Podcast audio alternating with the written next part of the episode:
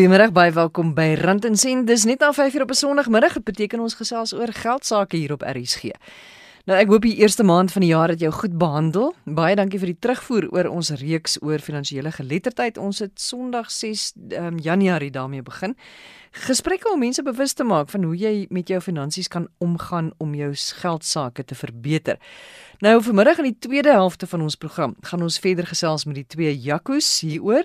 En vandag is dit die vierde gesprek. Ons gaan kyk na basiese ekonomiese beginsels wat ons moet verstaan voordat ons uh, regtig waar uh, ons geld goed kan behandel. Maar meer daaroor in die tweede helfte van ons program. Eerste praat ons oor 'n nuwe neiging onder beleggers om te begin kyk na beleggings in maatskappye met beter volhoubaarheidspraktyke. Siska Kreer is 'n omgewingsregsgeleerde en sy is 'n ook 'n volhoubaarheidsstrateeg en beplanner. Sy help maatskappye onder meer met evaluasies om seker te maak hulle voldoen aan die regte volhoubaarheidspraktyke.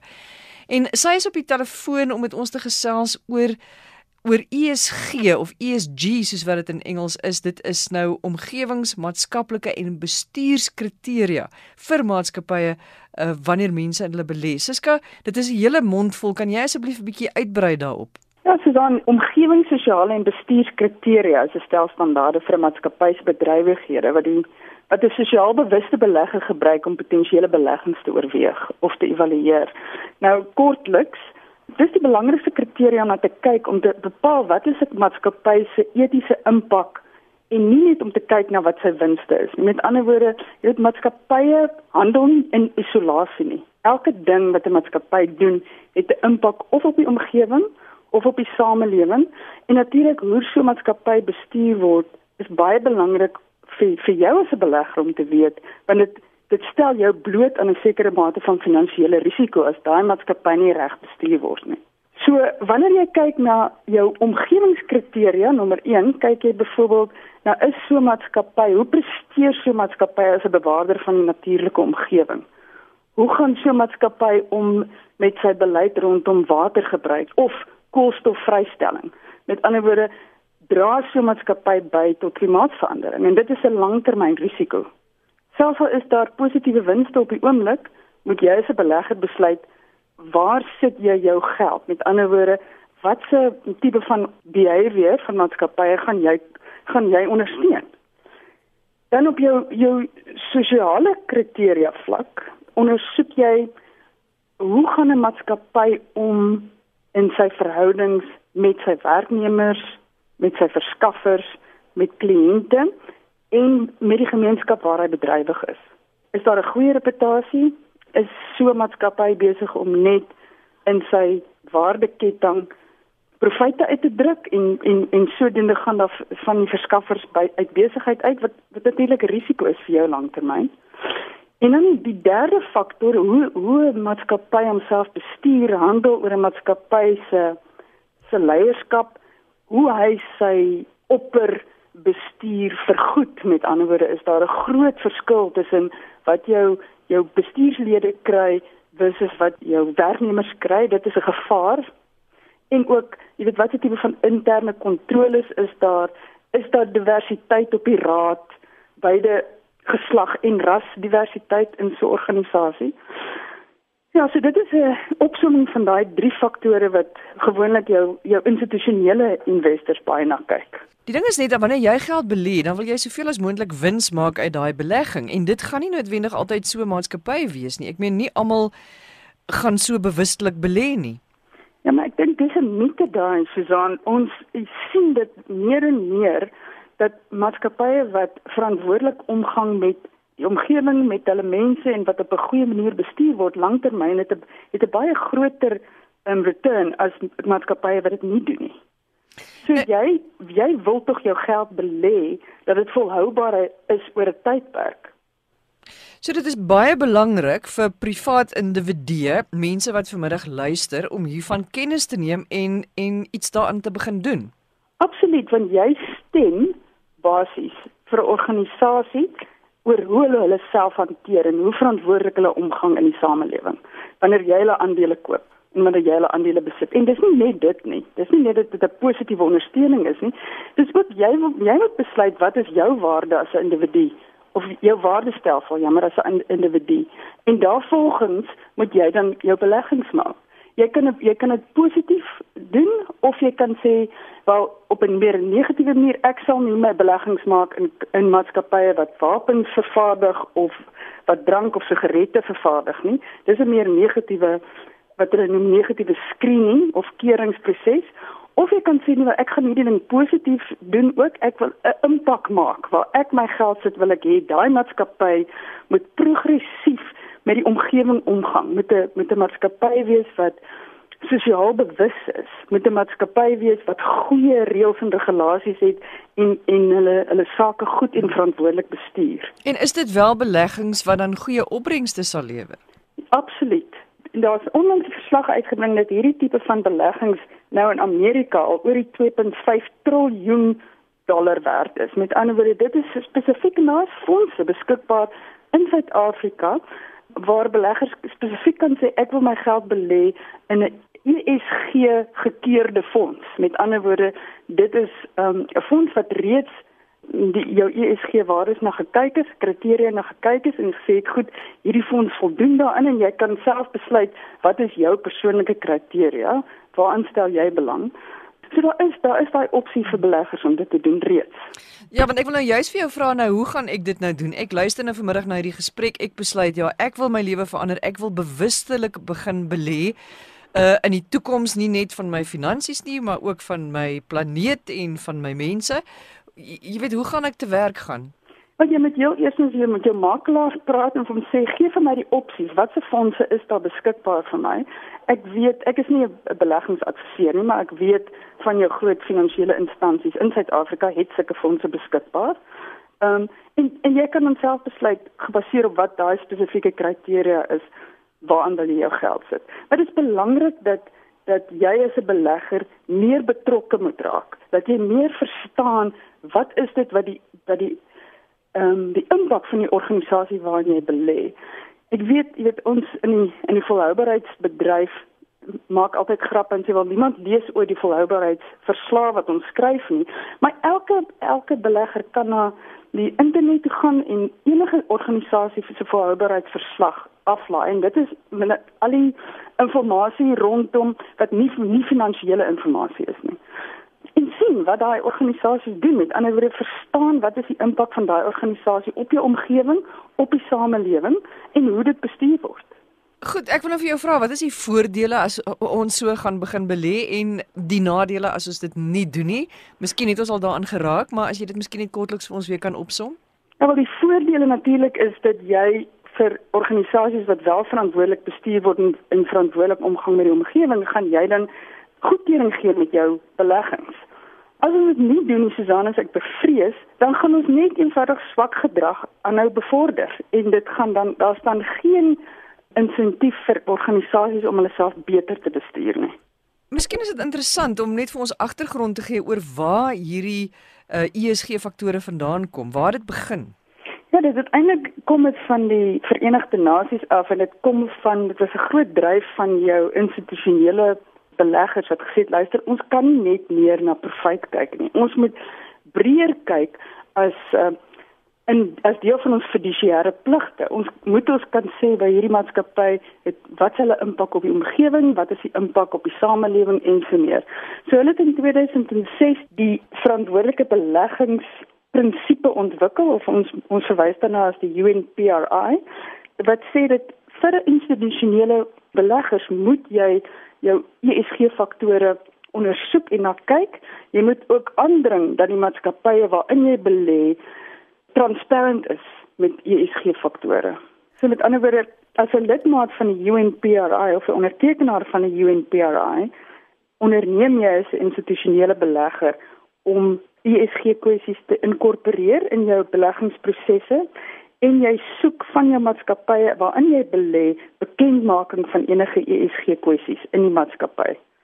In Suid-Afrika het ons ook die Code for Responsible Investment in South Africa wat in 2012 gepromoveer is en wat vereis dat uh, institusionele beleggers in Suid-Afrika min of meer dieselfde doen as um, die UNPRI.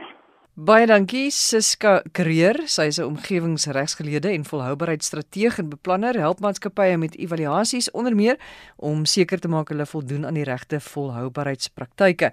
En dit is daarom of dit is dan belangrik dat wanneer jy in 'n maatskappy belê, jy doodseker maak dat daardie maatskappy goeie met goeie beginsels bestuur word om seker te maak jou geld is op die regte plek belê.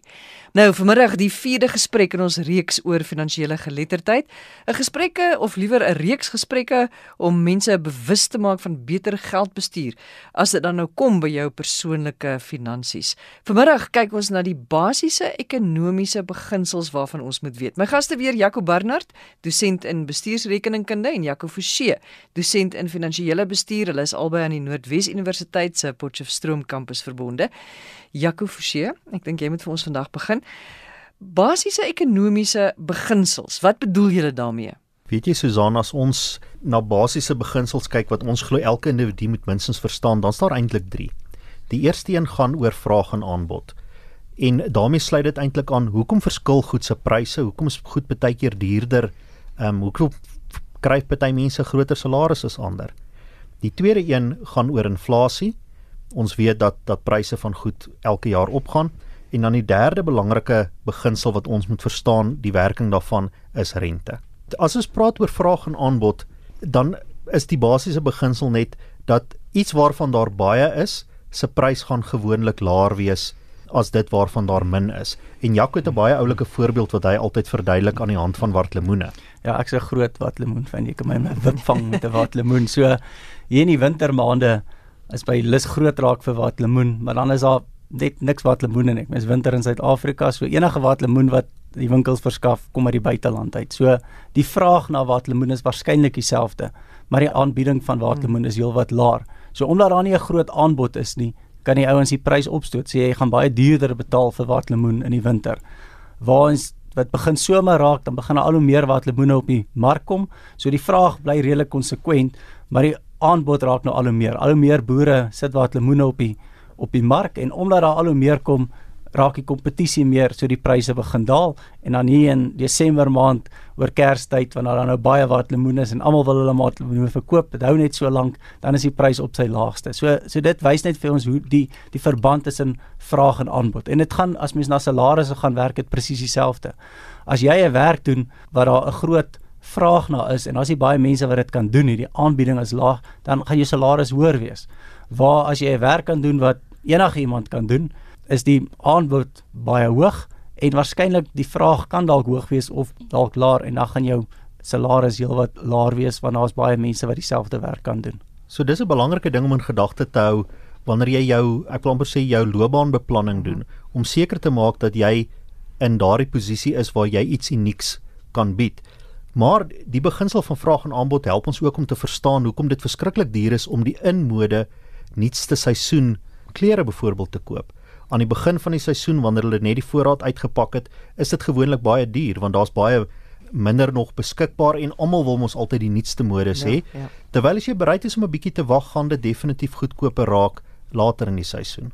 So wat julle dan sê is 'n mens moet bewus wees van vraag en aanbod en en dan moet jy wag. Jy moet dus wag totdat die vraag kleiner is en die aanbod groter of dat die aanbod net groter is. Ja, jy moet bereid wees om te wag. Sekere tye is produkte duurder en en jy moet dit maar uitwag en dit sal weer goedkoper wees oor tyd.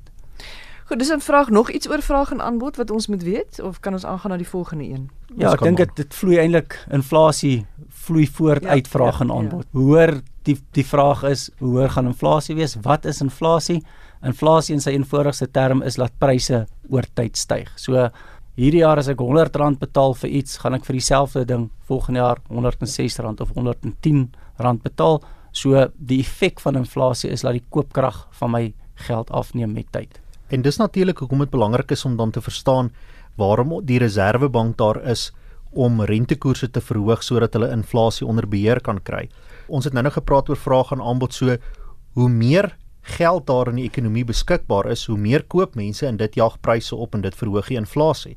So as die Reserwebank die rentekoers verhoog, dan is daar minder geld want sodra jy duurder moet betaal vir jou skuld, dan gaan minder mense geld leen.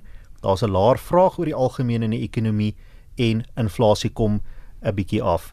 So die goed het alles hou baie nou verband met mekaar en dis belangrik dat ons verstaan dat hoë inflasie is negatief. Dit raak ons almal. Dit raak veral persone met spaargeld omdat jou rente wat jy verdien gewoonlik nie ehm um, tred hou met die stygings in pryse nie en ons hoef um, almal maar net te dink aan aan aan wat in ons buurland gebeur het. En in die tweede plek, um, baie keer as inflasie begin weghardloop, hou salarisverhogings nie onmiddellik tred nie. So sodra inflasie buite beheer raak, verloor eintlik almal in die ekonomie. Ja, en ek dink saam met inflasie 'n belangrike konsep om te verstaan is jou jaarlikse salarisaanpassing by die werk. Hulle praat in Engels van 'n cost of living adjustment of 'n lewenskoste aanpassing en mense moet besef dat daai verhoging wat jy kry by die werk is nie omdat jy oulik is nie, dis nie omdat jy jou werk beter doen of jy meer werk het nie.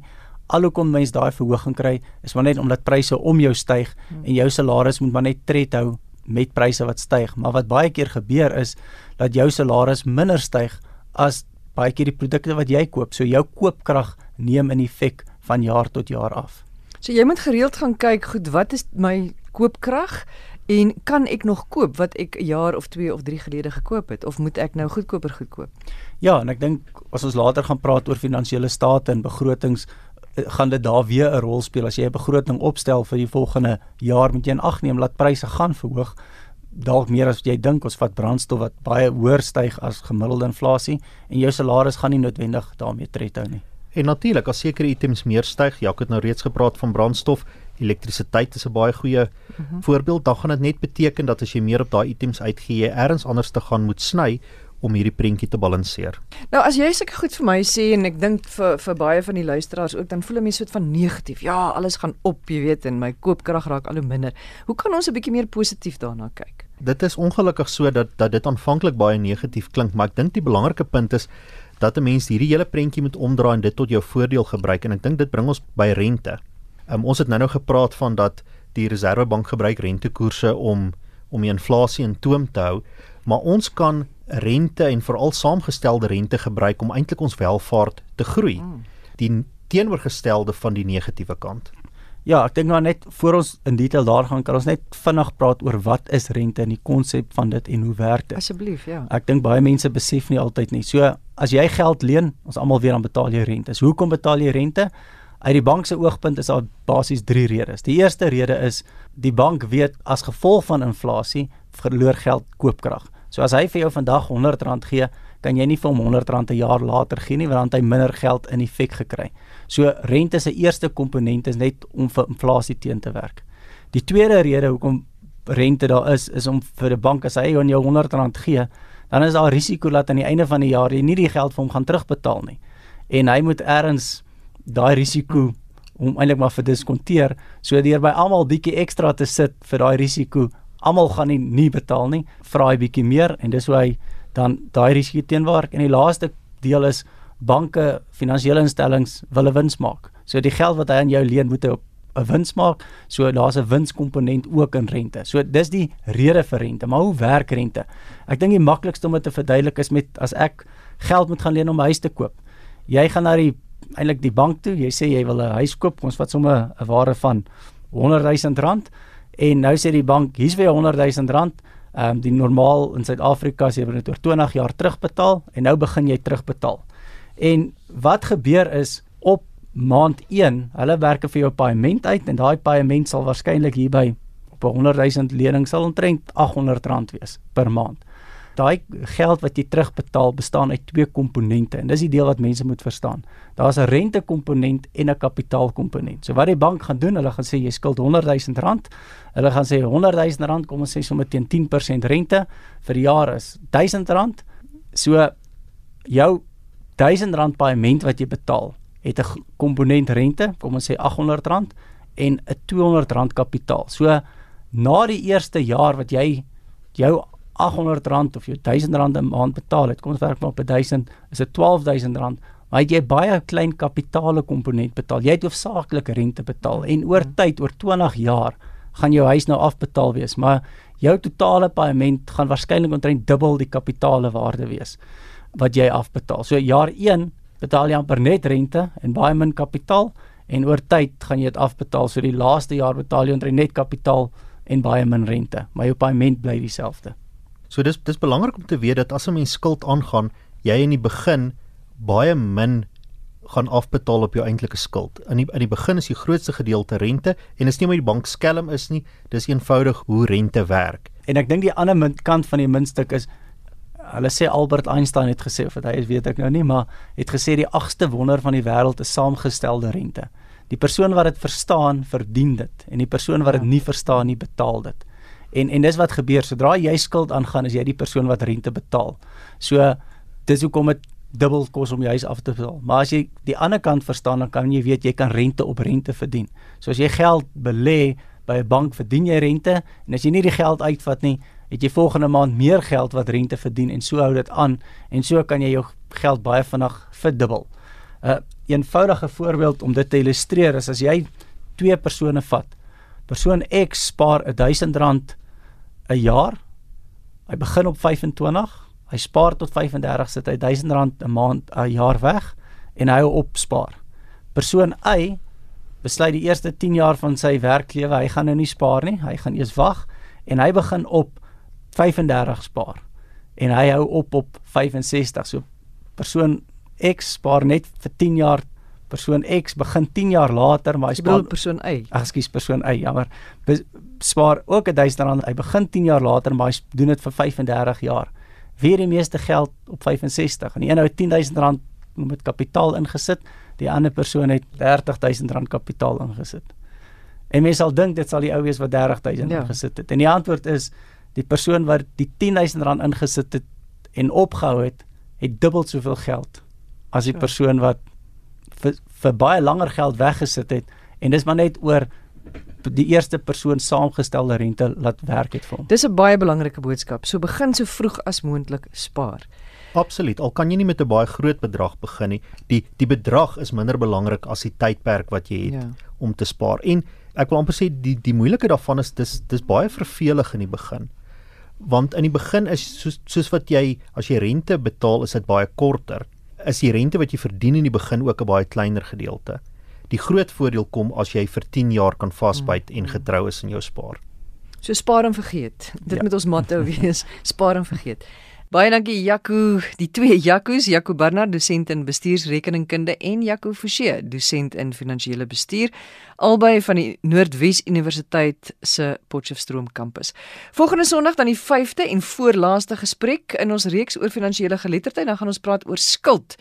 En uh, dit is dan uh, ja, ons voorlaaste gesprek in ons reeks van 6. Ons gaan ook nog kyk in die laaste gesprek dan na finansiële state en jou begroting. Onthou jy kan weer na hierdie gesprekke wil gaan luister. Ons het op die 6de Desember of nee, die 6de Januarie het ons begin met die praatjies oor finansiële geletterdheid. Gaan na www.rsg.co.za. Jy kan daar weer luister of dit as 'n potgooi aflaai. Onthou ook ons herhaling van ons program Rand en Sent Woensdaagoggende 04:30. Goed, ek hoop dit is 'n baie goeie week vir jou en ons praat volgende Sondag, die eerste Sondag van Februarie. Sjoe, die eh, die tyd vlieg nê. Dan praat ons verder. Totsiens.